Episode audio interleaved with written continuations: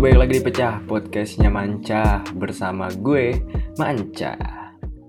Uh, gue mau menyapa dulu deh kalau ada pendengar baru. Yo, ini adalah Pecah, podcastnya Manca yang dipandu oleh Manca, yang insya Allah, wih insya Allah uh, akan me membicarakan podcastnya akan membicarakan ter terkait uh, perkotaan, urbanisme, dan apa-apa yang di antaranya. Kayak gitu kurang lebih. Kalau ada pendengar baru, kalau nggak ada, ya udah nggak usah bosen, sabar sabar. Uh, minggu ini uh, di Jogja bakal ada ini, bakal ada Woman March, itulah yang uh, Woman March, Woman March. Pokoknya acaranya tuh hari Minggu, hari Sabtu, sorry hari Sabtu buat kalian wanita-wanita yang di Jogja dan mempunyai keresahan yang sama, ya jangan lupa ikutan. Cowok juga boleh sih. Emang cowok nggak boleh acara itu ya? Nggak boleh ikut acara itu. Boleh nggak sih? Boleh lah, masa nggak boleh? Kan itu tentang equality, ya nggak tuh? Terus, uh, oh ya di Jogja juga kemarin lagi hits terkait cadar-cadar itu ribut-ribut tentang cadar. Ya gue sih uh, no comment lah tentang itu tapi maksud gue ada aja gitu orang kampret di timeline gue di timeline lain gue kayak anjir nih orang gue nggak ngerti sih cara pikirnya. Kayak dia menabrakan menabrakan uh, intinya dia kayak gini kayak kayak nulis kayak kenapa sih uh, ini yang aktivis aktivis so called aktivis feminisme ini nggak nggak bergerak ketika ada ada isu ini isu yang cadar yang dilarang itu kalau pakai cadar nanti di DO dari kampusnya kayak maksud gue men ya Allah sampai kapan sih lu mau menabrak-nabrakan pergerakan kayak gitu? Emang nggak bisa lu ngebela ya udah kalau nggak ada yang bela ya lu bela. Kalau lu mau bela kayak gitu aja sih. Kalau lu mau bertindak gitu. Apa ya? Nggak usah ngejelek-jelekin gerakan orang lah gitu. Kenapa sih nyebelin banget orang kayak ya kenapa? gitu. Kenapa lu tabrakan? gitu. Ke kedua hal itu. Kenapa coba? Ah kan bego banget. Orang kayak gitu bisa jadi pejabat kampus lagi. Ya sebenarnya nggak nggak ada hubungannya. Tapi gue kayak aduh jangan ditabrakin dong hal-hal kayak gitu. Tapi ya, yang kocaknya adalah uh, jadi uh, ternyata si so called gerakan wanita feminis yang dia waktu itu katakan tidak membela isu masalah cadar-cadar ini ujung-ujungnya membela-bela juga maksudnya ya ya beneran uh, kami mengawal apa-apa gimana gitu. Di tweet apa di twitter atau di mana gitu gue lupa. Pokoknya intinya ya ujung-ujungnya yang dia kritik ternyata merespon dengan baik gitu. Maksud gue ya lagian lo berita baru juga muncul udah dikritik duluan ya sabar napa emang orang harus res maksudnya ya gerakan tuh nggak bisa main-main gitu nggak sih? Menurut gue kayak ya respon dalam suatu isu tuh perlu ditelisik dulu nggak nggak nggak nggak main-main. Pun juga ya mungkin diskusinya di grup lainnya lama apa gimana pada non respon pada ngapain lah. Kan kita nggak ada yang tahu juga. Maksud gue kayak ya udahlah kalau seminggu dua kalau seminggu dua minggu nggak ada baru tuh lu sikat deh nggak apa-apa mendingan. Ini baru masih juga anget udah ngomong kayak gitu aja. Kayak novel Baswedan tuh baru 10 bulan kagak ada kemajuan. Itu mah nggak apa-apa lo tabrakin nih nggak jelas ke mana kerja polisi apa segala macem ah nyebelin banget kan. Maksud gue kayak kenapa sih? Kenapa mesti ditabrakan gitu? Sabar lagian nggak aduh nggak sabaran pak. Sabar pak. Maksud gue kalau lu nggak tahu apa-apa ya, ya nggak usah ngomong-ngomong dulu. Kalau kata sense of ignorance itu apa yang kita tidak ketahui itu harus mendorong analisis bukan hipotesis atau asumsi tentang apa yang kita pikir kita tahu gitu. Karena orang itu mikir dia tahu kalau uh, si gerakan yang dia sebut gerakan wanita-wanita feminis, eh wanita-wanita feminis, gerakan feminisme itu nggak bak dia uh, asu berasumsi kalau gerakan feminis itu nggak nggak bakal merespon isu tentang cadar ini atau dengan lambatnya mereka merespon sebenarnya nggak lambat juga. Ya mungkin menurut dia lambat. Dengan lambatnya si gerakan feminisme ini merespon isu itu menurut dia asumsinya dia ya gerakan itu nggak nggak nggak merespon sama sekali which is ngawur. Udah the science of ignorance. Itu menarik lo bisa kepo juga tentang itu. Itu it, uh, science of ignorance tuh kayak gila orang kayak Thomas Alva Edison aja kalau udah ignorance-nya tinggi banget tuh bisa batu banget loh tentang uh, penemuannya Tesla. Ya sih? Kayak ayo Thomas Alva Edison tuh berapa kali? Nggak berapa gue nggak nggak tahu juga sih berapa kali. Maksudnya kayak beberapa kali tuh sempat kayak menolak si uh, Tesla hasil temuannya. Terus uh, bikin hoax apa segala macam itu tuh karena dia ignorance dia lebih apa yang dia tidak ketahui terkait penemuannya si Tesla mendorong dia untuk berasumsi bukannya mendorong analisis. Gitu. Bahkan ah, emang nature banget mungkin ya kalau udah ignorance gitu. Ah nggak paham sih gue nggak tahu gue mau ngapain sih. Ini udah baru mulai udah nggak jelas nih aku mau cerita uh, uh, beberapa hari lalu gue habis melakukan kejahatan. Wih, apa sih ini? Orang nggak bad boy banget gak sih? Melakukan kejahatan di pamer-pameran ah uh, gue habis oh, nggak nggak nggak jahat juga sih nggak nggak nggak nggak nggak segitunya. Anjir. Uh, jadi gue habis ya di kampus gue ada acara terus gue nempel poster gitu di di di tembok jalan gitu loh. Masalahnya posternya men itu kayak uh, satu posternya itu di print jadi uh, 8A0 eh 4A0 4A0 kayak anjing itu gede banget gitu kayak 8 4A0 tuh berarti berapa? Uh, ya gede banget gak sih? Ya lu bayangin aja lah A0 ada 4 gitu untuk satu poster di pinggir jalan. Gila tuh bikin gue sih nggak ikutan ini gue cuma ikutan nempel lah gue nggak nggak ikutan bikin nggak ikutan bikin lemnya bikin lemnya ya capek banget kayaknya. Gila banget tuh. Maksud gue ayo kok cepet dan gue nempel di gue nempel poster di empat titik. Dan gue nempel posternya pagi-pagi uh, kayak uh, dini hari gitu lah jam tigaan mulai gerak. Dan ada satu titik di mana jam ya jam 9 dikatakanlah. Jam 9 paginya itu juga udah dirobek anjing sama yang punya tokonya. Soalnya ada satu tempat yang bersebelahan sama toko. Kayak anjir ini tuh usaha pak. Tolong lah pak. Berikan kami sehari lah. Tega bener nih sama mahasiswa. Apa sih gue mau apa nih? Nggak nggak jelas banget podcastnya ya. Uh, gue juga ini lompat-lompat ya bodo amat lah. Uh, gue baru sadar ya podcast yang paling pede kan podcast gue gak sih maksudnya maksudnya tuh kayak anjir podcast lain tuh pakai nama loh. Ada namanya apa? Uh, si Adit tuh kutu buku. Uh, ya kan? Eh buku kutu itulah. Terus ada postinor ada podcast awal minggu dan segala macamnya banyak.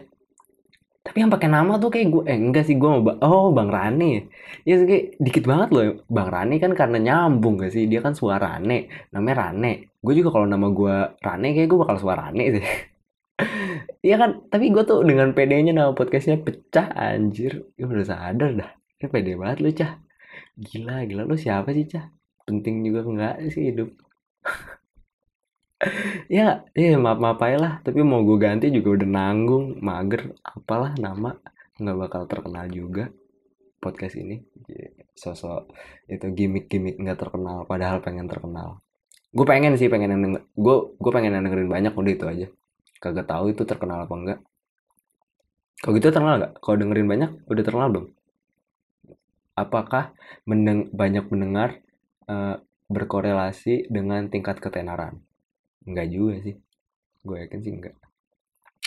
Uh, anyway gue baru juga baca gue baru baca tentang keistimewaan Jogja. Jadi salah satu orang Jogja namanya Cak Nun. Nama aslinya tuh MH Ainun Najib ya dia baru nulis salah uh, nulis uh, semacam tulisan gitu di websitenya. Nulis semacam tulisan ya iyalah cah. Uh, nulis tentang keistimewaan Jogja gitu. Judul di websitenya dia judulnya merawat sejarah keistimewaan Jogja untuk kedaulatan NKRI ini tuh tulisannya keren banget menurut gua karena uh, pertama yang ngomong dia. Cak Nun tuh menurut gua udah kayak kalau misalnya Cak Nun negara tuh menurut gua Skandinavia gitu. Kayak gue terima-terima aja dia mau ngapain Gila loh dia. Anjir Cak Nun tuh pernah ngomong gini masalah wudhu nih. Menurut dia uh, dia tuh pernah bilang wudhu tuh bukan masalah mensucikan uh, fisik gitu tapi mensucikan diri gitu. Maksudnya kayak itu tuh nggak nggak cuma terkait mensucikan fisik doang. Karena ketika contoh nih kalau lu udah wudhu misalnya lu kentut lu tuh harus wudhu lagi. Tapi tuh yang dibersihin tuh bukan ya pantat lo gitu ya gak sih? Kayak anjir itu benar juga sih jadi wudhu tuh ternyata bukan sekedar membersihkan fisik tapi lebih dari itu gitu. Anjir itu pas gue dia tahu dia ngomong kayak DM anjir nih tinggi banget filosofisnya. Gokil dah Cak Nun dah. Di sumpah gue uh, menganggap dia kalau negara mas Skandinavia dah terserah dia dah. Gue memperhatikannya maga udah memperhatikan menikmati deh ibaratnya kayak gitu kalau Cak Nun. Balik lagi ke oh, tulisannya dia tulisannya tentang uh, yang judulnya merawat sejarah keistimewaan Jogja untuk kedaulatan NKRI menurut itu menarik banget. Uh, salah satu part yang gue suka adalah uh, jadi itu tulisannya cukup panjang ada lima bagian yaitu uh, bunyinya kayak gini gue bacain aja. Uh, keistimewaan Jog keistimewaan Jogja bukanlah privilege tak terbatas melainkan sejumlah kekhususan yang terukur Keraton Ngayogyakarta memastikan teguhnya kemerdekaan Republik Indonesia di awal kelahirannya. Kemudian Ngarso Dalam IX bersedekah luar biasa banyak, baik sedekah kedaulatan maupun harta benda, sehingga menjamin keberlangsungan pemerintahan NKRI dua tahun pertama. Ngayogyakarta adalah ibu yang menyusui bayi Indonesia. Nyuwun sewu, please jangan lukai hati ibundamu. Kalau hati ibu terluka, anak akan celaka. Kalau Indonesia menyakiti hati ibu yang ia menyusu kepadanya ketika bayi, ia akan terjungkal di lubang ranjau masa depan. Uh, buat lo, lo mungkin nggak tahu kenapa kenapa sih Jogja istimewa gitu. Uh, pertama memang uh, secara secara sejarah ya Jogja udah dari dulu kan merdeka dalam tanda kutip ya emang dia udah ada kerajaannya kayak gitu udah ada wilayahnya sendiri. Tapi kalau misalnya waduh ada lain. kalau misalnya terkait aspek lainnya bisa dilihat tuh Jogja tuh sangat berjasa buat Indonesia. Karena yang tadi di sini ditulisannya tentang Ngarso Dalam bersedekah luar biasa sehingga menjamin keberlangsungan pemerintahan NKRI dua tahun pertama. Uh, Keraton Ngayogyakarta Hadiningrat tuh dulu waktu Indonesia lagi miskin-miskin ya itu ngasih berapa ribu gulden ya? 60 ribu uh, kalau nggak salah 60 ribu gulden deh intinya itu tuh kalau di convert tuh bisa hampir satu triliun kalau nggak salah. Pokoknya anjir itu tuh gede banget gitu. Sampai ya udah keraton Jakarta tuh ah, waktu itu udah udah udah nggak punya apa-apa lagi gitu kasarannya hartanya. Dikasih gitu aja. Gitu maksudnya kayak ya itulah mengapa Jogja istimewa gitu. Karena di saat Indonesia butuh-butuhnya bantuan dikasih dengan cuma-cuma men. Kayak ya ben, menurut gua sangat tepat sih analogi uh, analogi ibu Jogja sebagai ibu dari negara Indonesia. Karena ya itu ketika Indonesia masih bayi gitu nggak punya duit maknya yang ngasih nih duit nih uh, berapa ribu gulden itu. Wah itu gila nih beneran tulisan lo kalau mau baca cari aja. Pokoknya merawat sejarah keistimewaan Jogja untuk kedaulatan NKRI ya tapi bukan berarti gue nggak ada nggak ada kritik sih terkait uh, keistimewaan Jogja. Apalagi dilihat konteksnya sekarang. Tapi uh, kalau melihat sejarahnya menurut gue itu uh, ya sabi-sabi aja sih. Tapi bukan berarti tanpa kritik. Apalagi melihat sekarang masalah kalau di Jogja tuh masalah pembangunan uh, banyak pembangunan yang mengatasnamakan tanah sultan apa segala macam bla bla bla bla bla. Ya itu juga uh, perlu dikritisi lebih dalam sih. Tapi kalau konteks sejarah menurut gue uh, ya memang Jogja tuh menurut gue cukup tepat untuk disebut di dalam tulisan ini disebut sebagai ibu dari NKRI.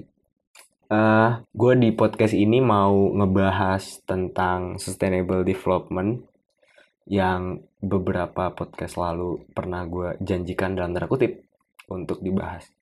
Sustainable development ini menurut gue uh, secara konsep bagus, B aja sih. Bagus lah konsep mah. Tapi uh, utopis banget sih menurut gue. Utopis gitu loh kayak uh, kan banyak nih uh, paradigma pembangunan gitu. Salah satunya ya ini sustainable development gitu menurut gue ini yang sangat salah satu yang terutopis dari pembangunan uh, gaya misalnya kita katakanlah gaya gaya pembangunan yang ada gitu. Karena gini deh dari namanya aja udah udah nggak jelas kan kayak uh, sustainable development. Nih kalau misalnya dilihat kan sustainable itu apa? Sustainable kan berarti memelihara nggak sih? Ya gak? kayak sustain sustainable sustain dan able. Sustain itu memelihara atau menjaga able itu mampu gitu kan. Singkatnya kan kayak uh, gimana melakukan pelestarian di sumber daya alam. Pokoknya ya ekologis banget lah sustain, sustainable kata sustainable ini. Nah masalahnya sustainable ini dipasangin dipasangkan sama development gitu.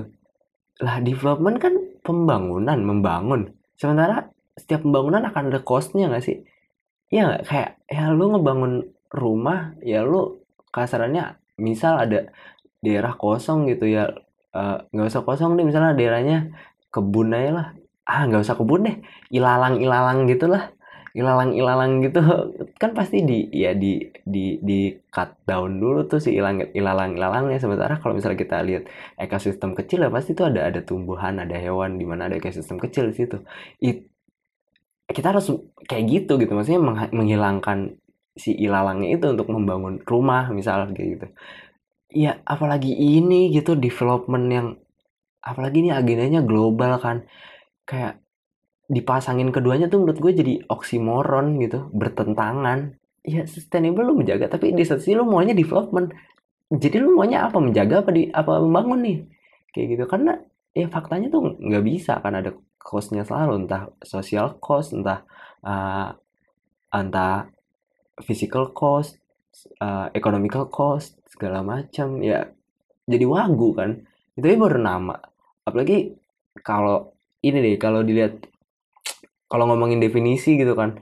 Definisinya nih ya ini masalah definisi juga lebih kocak lagi. Jadi sebenarnya sampai sekarang ini belum ada term aduh sorry berisik. Uh, term buat si sustainable development ini.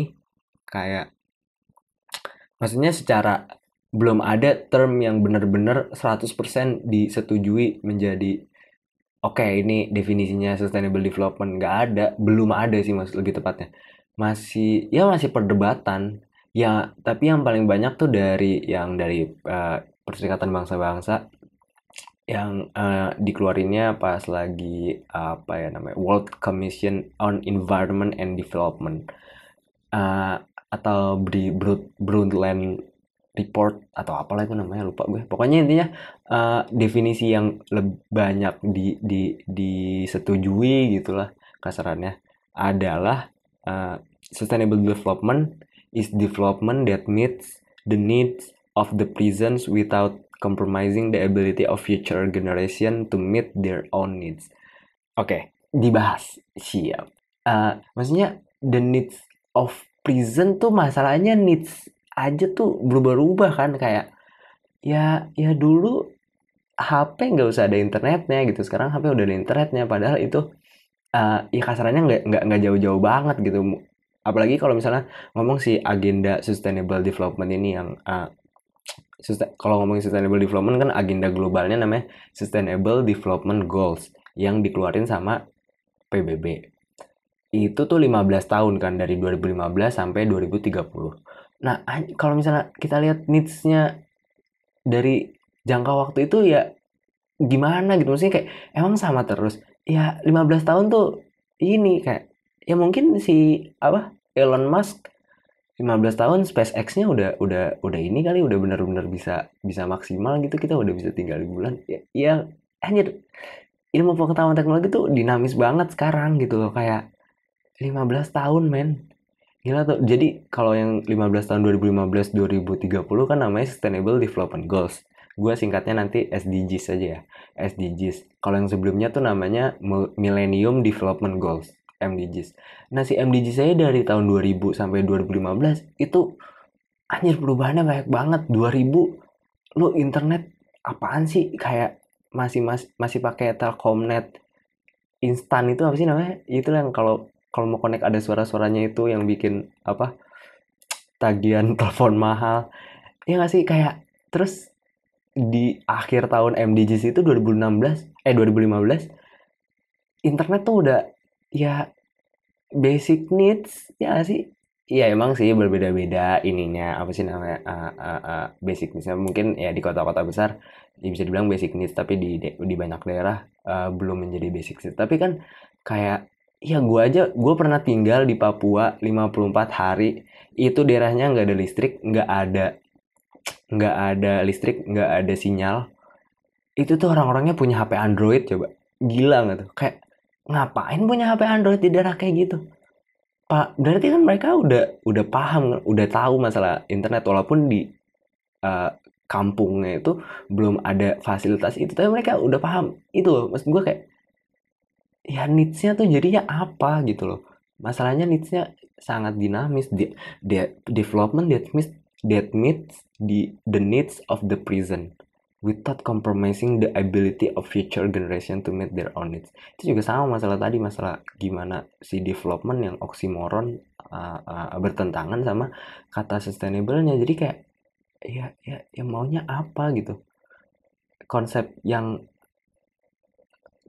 kabur gitu fuzi. Apa ya kayak pembangunan yang nggak mengganggu kebutuhan di masa mendatang juga dipertanyakan gitu kayak ya ya tadi development kan membutuhkan cost gitu. Ada social cost apa segala macam ya ah nggak tahu lah gue hanya kesel banget kan tapi padahal yang kocaknya adalah uh, jadi kalau ngomongin SDGs nih uh, lebih spesifik. Jadi uh, sustainable development itu kalau yang jadi agenda global namanya jadi sustainable development goals. Balik lagi nih gue jelasin takut lupa Sustainable Development Goals itu agenda global yang uh, dikeluarkan oleh PBB yang disetujui oleh oleh berapa ratus negara ya? 134 117 lupa gue intinya lebih dari 100 negara. Salah satunya Indonesia.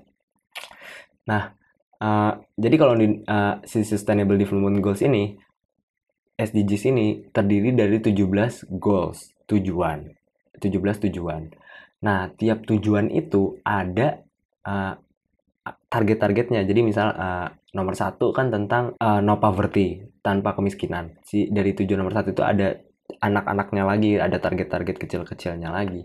Nah jadi si target kecil-kecilnya ini uh, dalam tanda kutip harus dilakukan gitu oleh negara-negara yang yang menyetujui yang menyetujui si SDGs-nya itu.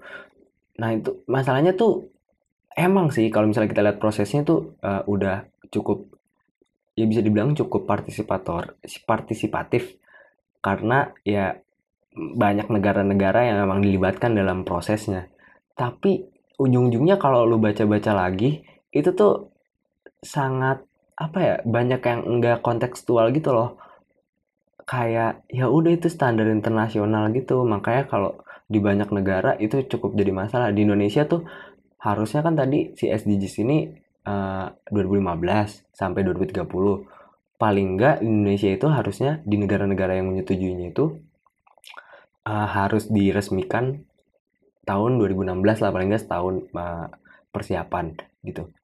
Tapi Indonesia baru me menyetujui si Sustainable Development Goals ini itu tahun 2017 akhir melalui uh, Perpres peraturan presiden. Ya itu jadi kan melambatkan implementasinya katakanlah ya emang uh, kan mau diterapin gitu kan. Implementasinya jadi terlambat gitu padahal lima tahun udah ada targetnya tuh kan 15 tahun lima tahun pertama harusnya kayak gini gini gini gini gini gini lalalala gitu. Yang jadi kocak tuh gue gue gue sekarang nih hari, uh, di podcast ini gue ngekritik. Tapi anjir nih jujur banget. Aduh berisik sorry.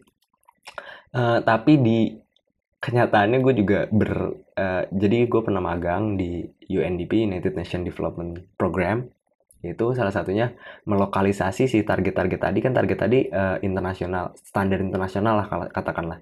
Nah itu perlu dilokalisasi gimana caranya biar target itu sesuai sama konteks lokal which is ini Indonesia nasional atau bisa lebih lokal lagi gitu. Nah itu ya gue berperan juga dalam lokalisasi. Tapi gue cuma enggak ya lah apa sih? Gue berikutan uh, dalam tanda kutip uh, merumuskan si lokalisasi SDGs-nya itu yang nomor 11 karena gue backgroundnya kan urban planning. Jadi yang nomor 11 kan goalsnya itu sustainable cities and communities. Jadi ya ya gue ikutannya di bagian situ lah eh gue di sini kritik tapi ketika ketemu kerjaan kayak gitu ah jadi disikat juga lu cat. Apa apaan sih uh, kalau misalnya dilihat dari sisi ekonomi nih kalau SDGs ini diimplementasikan itu tuh bisa menghasilkan 12 triliun US dollar man annually lagi ini gue gak ngasal nih gue baca dari publikasi gitu.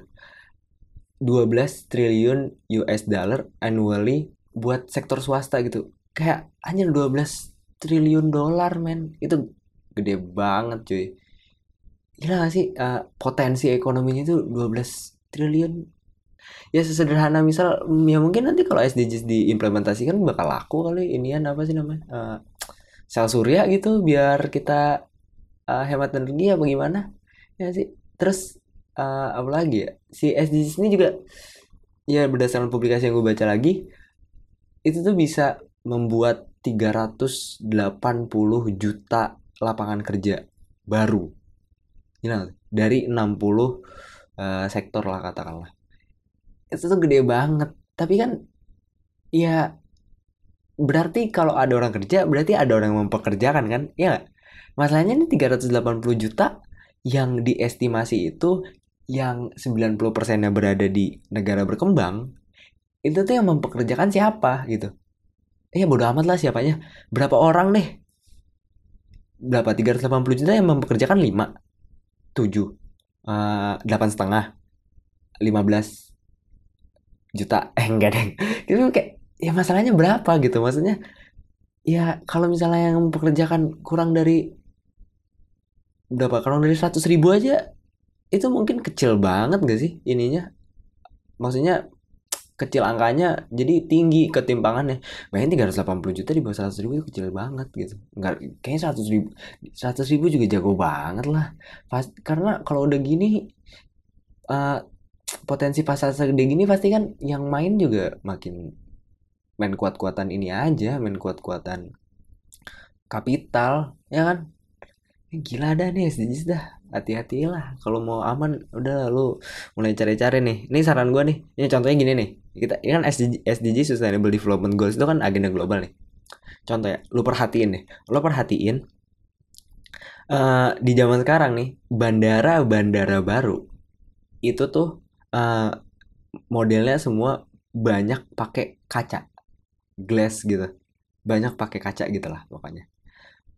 Pertanyaannya kenapa semua bandara-bandara itu banyak yang pakai kaca gitu? Maksudnya kayak uh, ya emang sih tujuannya maksudnya uh, buat uh, hemat energi. Tapi maksud gue emang perlu kaca emang nggak ada cara lain? Masalahnya tuh jadi semuanya sumpah lo cari aja. Gue lihat desain uh, New York Jakarta Airport terus atau gue pernah gue pernah lihat uh, pernah lihat nggak gue pernah ke ke Suta yang uh, yang uh, ini tiga apa sih namanya? Anjir itu apa sih? Ultimate Ultimate itulah apa yang tiga tiga itu anjing ketahuan gue Terminal tiga Astagfirullahaladzim Goblok.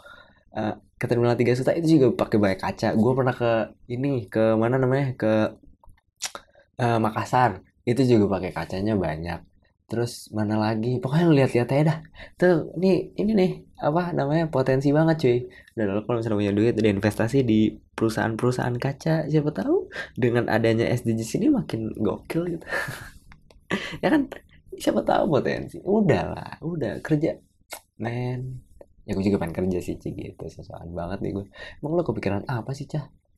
Nggak jelas banget sih lo. Ya kan? Tapi emang emang itu cah agen ya pasti ada agenda global gitu. Maksudnya emang ini malah ini mau dibilang agenda global gitu si SDGs ini eh pasti ada ada ininya apalagi ya kalau misalnya uh, tadi udah dari ekonomi terus kalau misalnya dilihat dari dari sisi perumusannya emang perumusannya uh, udah melibatkan banyak negara gitu partisipatif lah bisa dibilang hampir semua negara diberikan uh, apa uh, role gitu loh di perumusan si SDGs ini.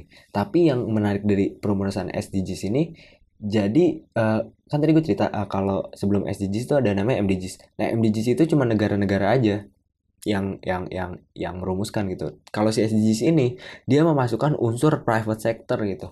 Ya ya menurut ngana aja lah emang private sector nggak mau agenda pribadinya ya kan ya pantesan bisa mengcreate uh, 380 juta tenaga kerja baru gitu ya karena dia udah berpartisipasi ya iyalah gila kali.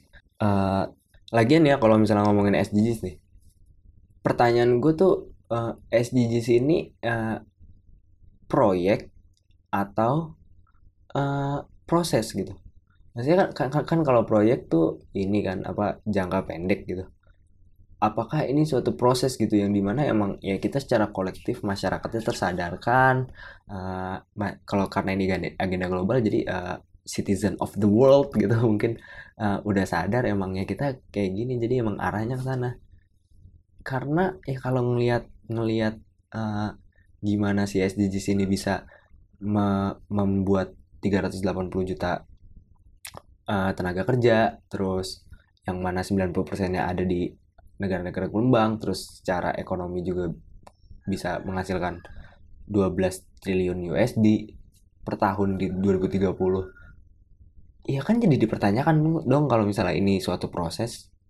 Kalau suatu proses ya harusnya nggak nggak segininya gitu. Apalagi 12 triliun itu emang udah private sector. Ya nggak sih? Yang buat masyarakatnya gimana? Berapa? Ya kan? Nah udahlah jadi pengusaha aja lah. Udahlah lu pengusaha. Apa deh lu uh, anjir lu ngomong-ngomong pengusaha lu ngemail gue pada nggak mau lu. Pengusaha tuh harus kuat cuy. Yo soalnya gue kagak tahu pengusaha kayak gimana email gue aja lu pada males mau jadi pengusaha. Lemah lo cie. Apa sih gue ngata udah yang dengerin dikit yang denger ngata-ngatain. Apa sih cah maunya? Astaga astaga. Ayo ngomong-ngomong jadi pengusaha anjir nih udahlah ngomong SDGs gitu aja lah malas gue gue mau cerita tentang pengusaha aja. Jadi gini cuy. Gue pernah ikut uh, uh, suatu gue ngiranya ini awalnya sebenarnya kayak ini sih kayak kayak uh, kayak pengembangan diri gitu leadership leadership gitu.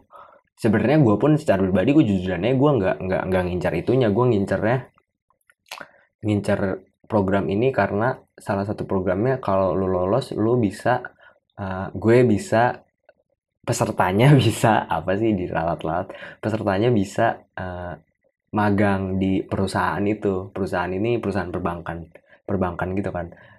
Perbang mm, magang di perusahaan itu dan dibayar.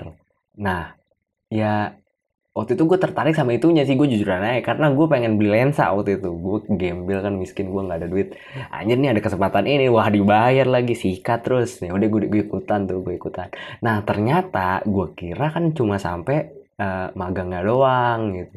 Ternyata eh ternyata ternyata eh ternyata baju deh apa sih banyak uh, ternyata itu tuh rekrutmen cuy sumpah rekrutmen jadi ya udah intinya emang uh, nanti lo diseleksi bla bla bla bla bla bla bla terus magang bla bla bla bla bla lolos nah nanti kalau lo lolos dari magangnya itu dikatakannya apa kalau nggak salah tuh graduate gitu lah lulus dari program magangnya itu segala macam nanti lo bisa berkesempatan uh, kerja di bank itu kayak nah yang kok jadi gue kaget banget tuh anjir ternyata ini rekrutmen gitu gue nggak nggak gue bego kan.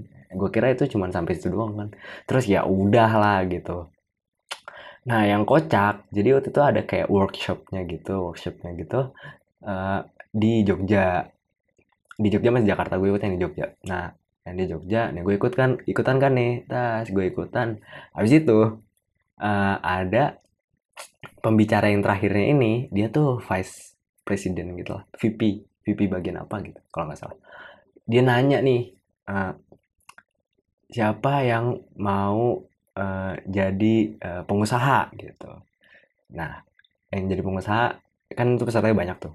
Pada angkat tangan ada belasan orang lah kesalahannya habis itu udah nih suruh turun selanjutnya yang dia nanya lagi nih uh, siapa yang masih ragu sama program ini gitu Nah, gue tuh kan datangnya telat nih. Gue jadi di depan. Paham itu kayak round table gitu kan udah penuh di belakang. Jadi gue di depan, gue round table round table gitu lah konsepnya di hotel. Gue di depan duduknya. Ya kan gue masih ragu ya. Gue apaan sih ini perbankan anjing itu. Gue aja tahu istilah fintech tuh hari itu anjir gara-gara sebelah gue naik ekonomi kan fintech apaan cuy gitu ya financial technology apa sih waktu itu ya gitu loh pokoknya uh, iya gue ber anjing bego banget kan gue ya apa sih anak urban planning gitu masuk masuk ke ekonomi kan tolol. Ya walaupun emang kalau perbankan kan nggak nggak nggak nggak apa sih nggak nggak peduli lah background lo apa bisa masuk masuk aja sebenarnya. Tapi ya gue nggak ada persiapan gitu. Gue kira apa nih workshopnya gitu. Kayak gitu lah ini gue bego banget. Ya udah karena gue bego ya gue ngangkat aja gue masih ragu kan cuy. Gue ngangkat tuh tes karena gue paling depan. Anjir disikat tuh gue ternyata gue sendiri sendiri sebenarnya ada dua orang. Nah tapi gue paling depan kan tak gue ngangkat duluan tuh dengan pedenya gue kira yang belakang banyak kan anjing ternyata kagak ada. Terus ya udah gue ngangkat tuh. Terus gue ditanya terus lu emang kenapa lo uh, kata kata gitu kasarannya gini kayak uh, emang kenapa lo uh, masih ragu sama program ini? Padahal tuh program itu mengoffer banyak kayak uh, 13 tahun jadi VP nanti uh, tahun kelima atau tahun keberapa gitu lo bisa kuliah di luar negeri gratis segala macam bla bla bla bla kan tapi kan gue bego jadi gue masih ragu kan. Terus ya udah gue angkat tangan. Kenapa kamu ragu? Uh, ya gue pas gue mau jawab dia nanya lagi emang background kamu apa? Gitu. Dan saya teknik pak gitu. Teknik apa? Perencanaan wilayah dan kota gitu kan. Terus kata dia oh nggak apa-apa kok. Ini bisa kok di sini. Uh, bawahan saya nih uh, semacam wakilnya itu tuh sama lulusan uh, urban planning juga. Jadi kamu nggak apa-apa kok. Terus gue kayak uh, ya kan bukan itu pak. Maksudnya sih gimana sih? Dan ternyata pas gue lihat jadi pas gue angkat tuh kan sendiri gue kira. Pas gue lihat ternyata ada satu orang lagi. Tapi yang satu orang ini kampret nih sosokan dia capernya anjing. Gue kesel banget tuh kalau acara-acara kayak gitu ada yang capernya berlebihan. Dia capernya dia ngangkat terus tanya tuh kan dia karena kami cuma berdua. Dia tanya kamu kenapa? Yang di belakang? Kamu ragu kenapa? Terus kata dia apa? Kata dia uh, saya ragu. Saya sebenarnya nggak ragu pak. Saya cuma uh, nyesel kenapa saya masuk. Dia tuh anak teknik. Kenapa saya masuk teknik bukan masuk ekonomi? Kayak ya Bray udahlah. Capernya jangan berlebihan dah. Mager banget gue terang kayak gitu. Kenapa sih mesti jawab kayak gitu sementara orang yang di depan tadi berasa tolol gitu? Anjir anjir. Udahlah udahlah. Usaha aja usaha apa kayak masih banyak. Deh kayak gitu aja jangan lupa lah email ke email gue podcast pecah ada di bio soundcloud gue. Deh dadah